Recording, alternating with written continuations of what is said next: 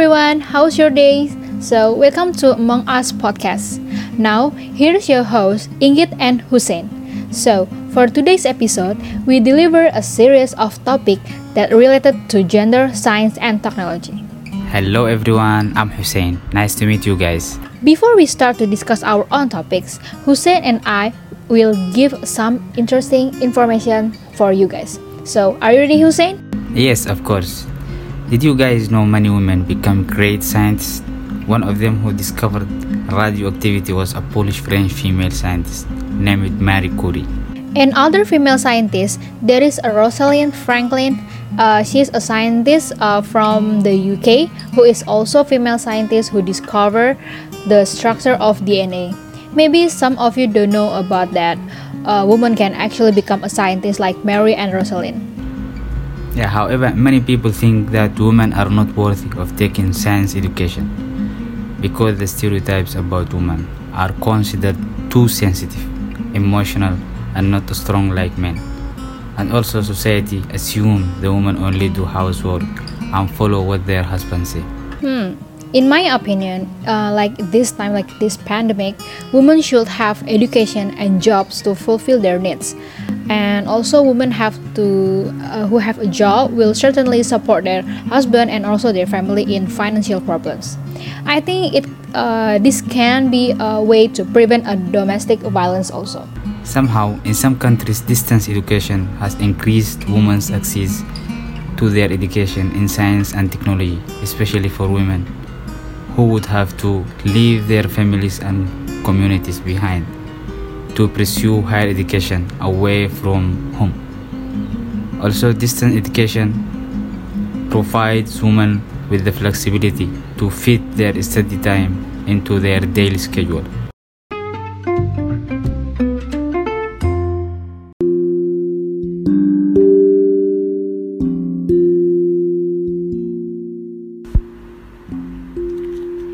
Hello guys, this is Hussain.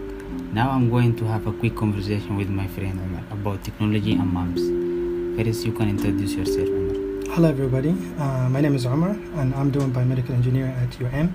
Thank you, Hassan, for having me. Thank you.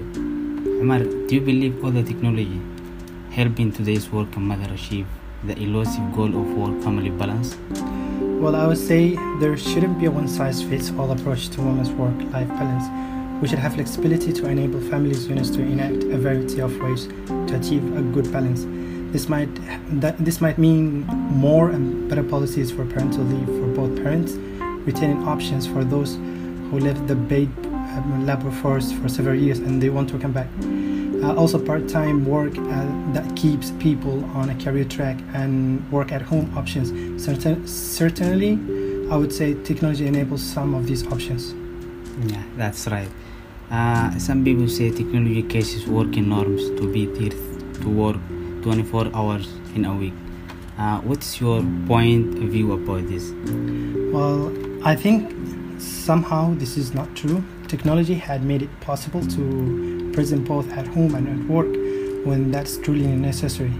Technology affords us flexibility but can also bring increased stress and pressure because we can be contacted anytime, anywhere, and because work can be accomplished at any time and also anywhere. There is a trend toward assuming that people will and should be available to work at all times. Yeah, that's right. On the other hand, in theory, the knowledge economy and the technology open more opportunities of work. Unfortunately, in many families, women have the burden of having two full-time jobs. They do job and housework. So I think that we humans control how the internet impacts in lives of everyone, including mothers. So if we are not happy with how the internet affects our lives and families, we shouldn't blame the technology, but we should blame the work culture and the management policies.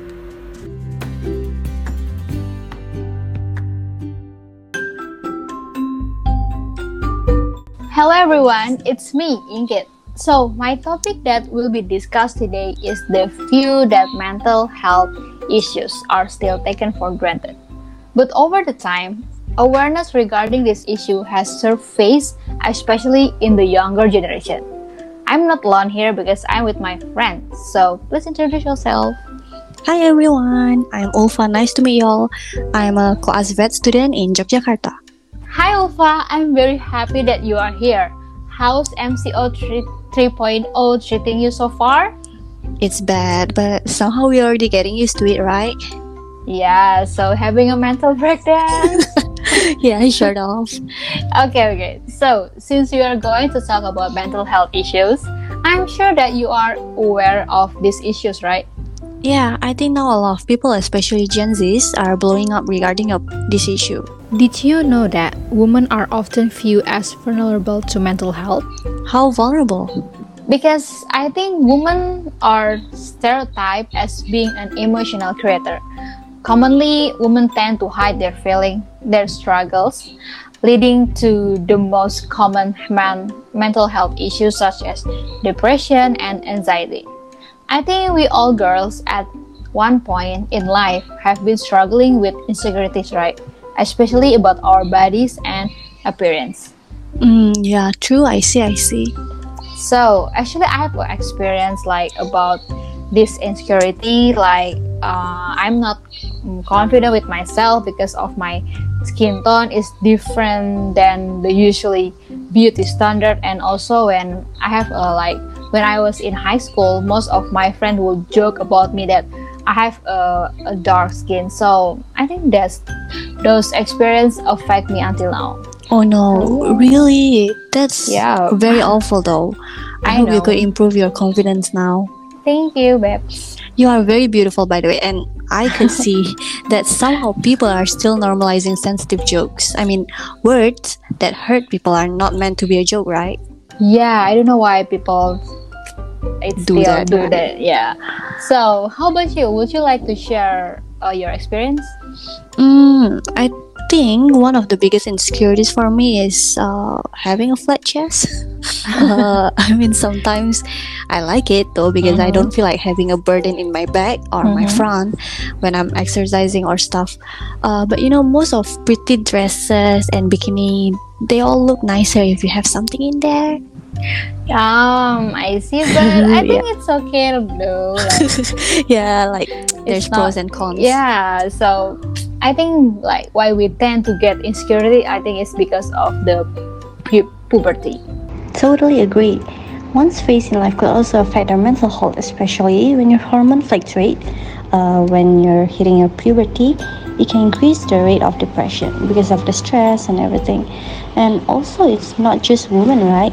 Men also go through it, so they are also hugely affected with mental health issues. Yes, that's true. Like, I men also have uh, mental issues, but I think this is related like to the toxic masculinity. Like when men don't really express their feeling openly, such as disappointment and stress. And uh, I have like one these quotes like, "Real men don't cry." Doesn't it makes men feel burdened or shy to express their feeling? Hmm, but I'm not sure because I'm not man, right? so uh, I know, I, I get it. yeah, But you know, suppressing your feeling is not a good habit, right? If you keep holding in, then you might end up exploding one day.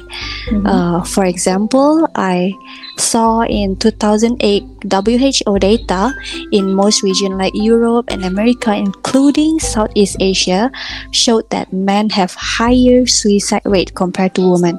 Doesn't this indicate that both genders are vulnerable? yes, women are men are actually vulnerable to mental health issue. But you know what? Society are not really aware of it. This is so sad, actually, though. Mm-hmm. Agree, agree. And I think we also need to remember that we are, everyone mm-hmm. are the society, you and me. Yeah. So I guess every each of us plays an important role in correcting the perception that not only female are susceptible to mental health, men are too, y'all. exactly my thought and you know what even worse the view of women and men experiencing mental health sign is somehow related to spirit position like the fact that is uh, they have experienced environmental stress harassment and gender based violence that can degrade it, degrade their mental health like one of the korean dramas save me i think you know that drama right Yeah, yeah, I watched that. I mean, having a mental breakdown is not the same as being possessed by evil spirits, okay? Yeah, I know, right? I really love that drama, by the way.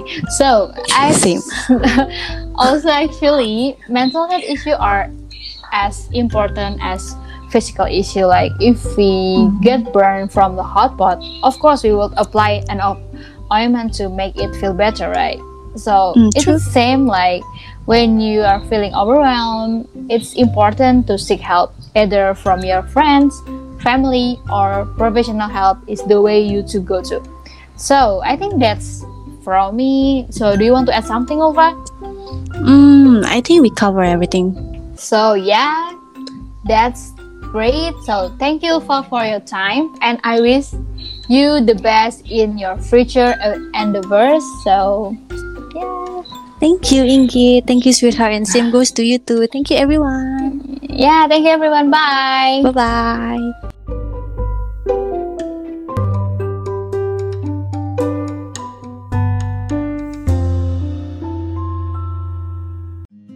Okay guys, welcome back with the two of us. So, you guys have listened about the discussion of our topic that we have conveyed, right? So, by the way, I also agree with the technology facility that can help uh, a woman and not a woman but family uh, to make home homework uh, easier and more faster too.